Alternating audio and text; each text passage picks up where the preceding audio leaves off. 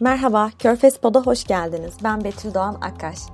Bu hafta sizinle 41. Körfez Arap Ülkeleri İşbirliği Konseyi toplantısında yaşanan gelişmeleri ve Körfez krizinde geldiğimiz noktayı konuşacağız. KİK toplantısına Katar emirinin davet edildiğini bir önceki kaydımızda söylemiştik.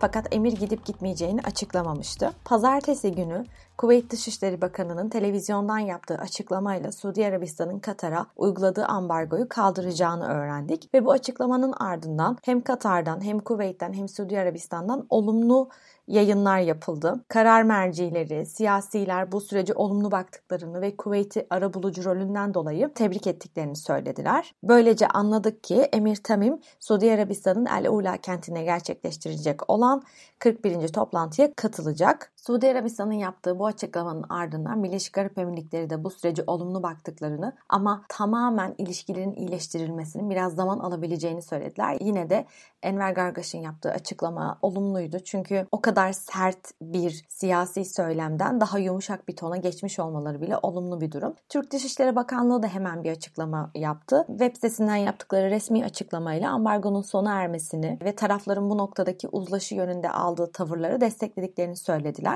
ve Körfez İşbirliği ülkelerini de önümüzdeki yıllarda daha çok birbirlerini olumlu anlamda etkileyecek politikaları için teşvik etmeye hazır olduklarını yazdılar. Körfez genelinde bu durumun nasıl karşılandığını düşünürsek biraz halk bazında tabii ki bu noktada çok genelleme yapmak mümkün değil. Yani her insanın fikri farklı.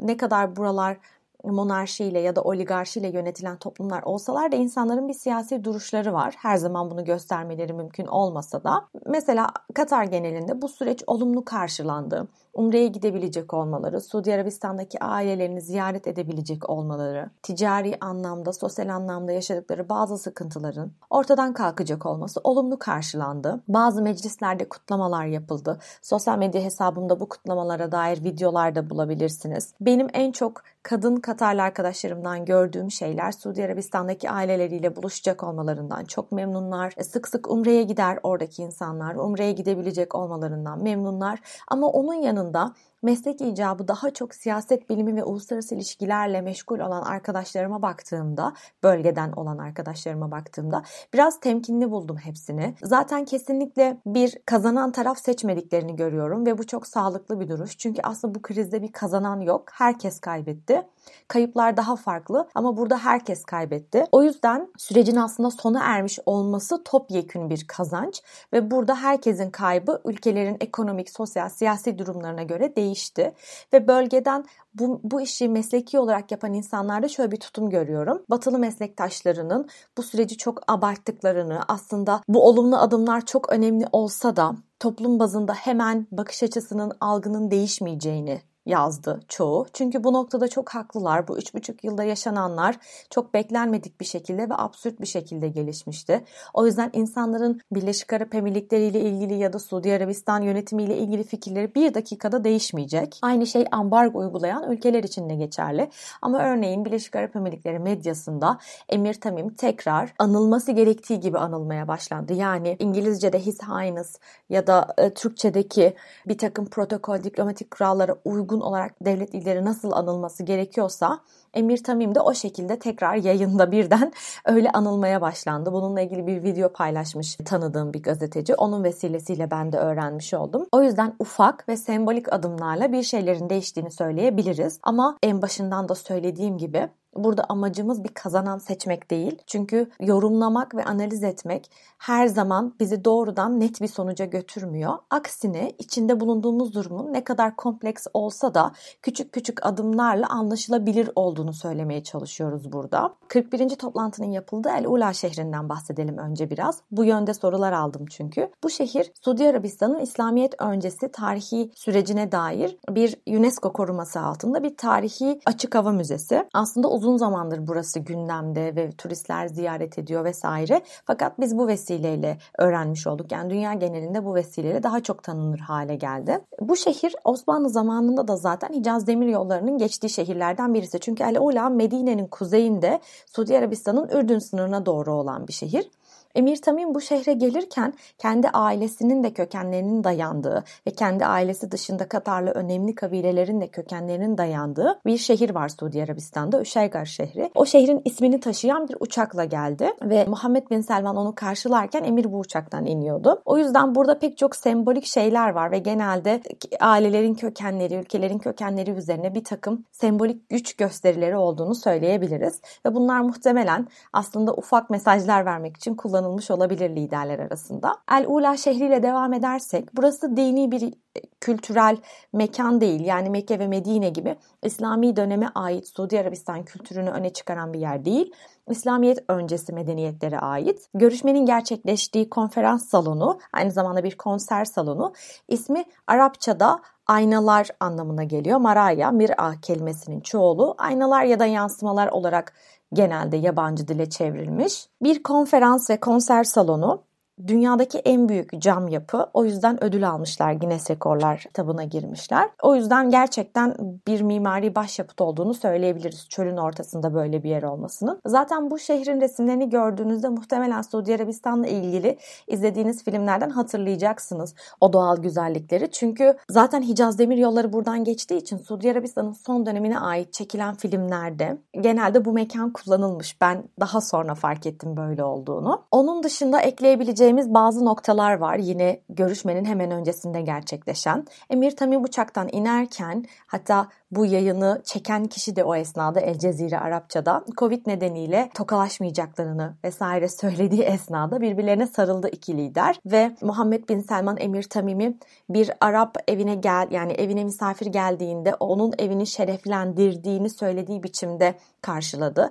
İngilizce God bless you diye çevirdik bunu ama aslında hoş geldinin daha da samimi bir hali olarak düşünebilirsiniz Allah yani kullandığı ifadeyi. Daha sonra Şeyh Tamim'le Muhammed Bin Selman beraber bir araba yolculuğu yaptılar. Çünkü El Ula'daki o alanları gezdirdi Muhammed Bin Selman gelen Körfez ülkeleri liderlerine. Daha sonra bunlar yaşanırken aynı zamanda Katar'ın e, Suudi Arabistan sınırı açıldı. Bu sınıra dair görüntüler yine ekranlara verildi. Yani ufak ufak geçtiğimiz hafta gerçekten ah, yıllardır beklediğimiz adımların atıldığını gördük.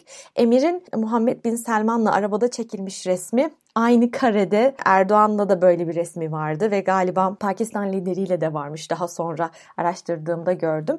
Yani bu Arap liderler için arabayı onların sürmesi ve yanlarında misafirlerin eşlik etmesi önemli bir şey demek ki.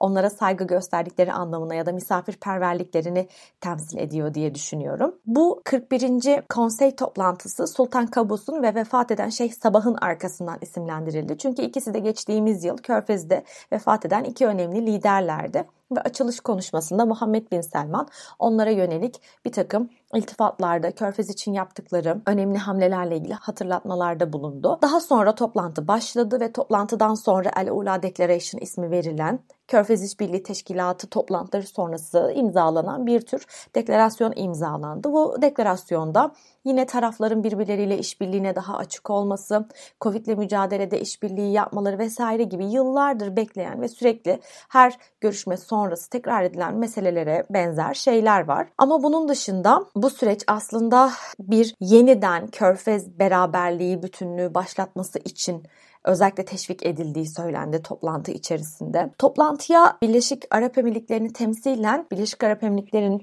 gölge lideri Muhammed Bin Zayed El Nahyan katılmadı. Onun yerine Birleşik Arap Emirlikleri Başkan Yardımcısı ve Dubai'nin yöneticisi Muhammed Bin Raşid El Maktum katıldı ama zaten o da oldukça önemli bir isim. Buna ek olarak hem Suudi Arabistan'dan hem Birleşik Arap Emirlikleri'nden temsilciler, siyaset bilimciler ve bakanlık seviyesindeki yöneticiler açıklamalarda bulundular.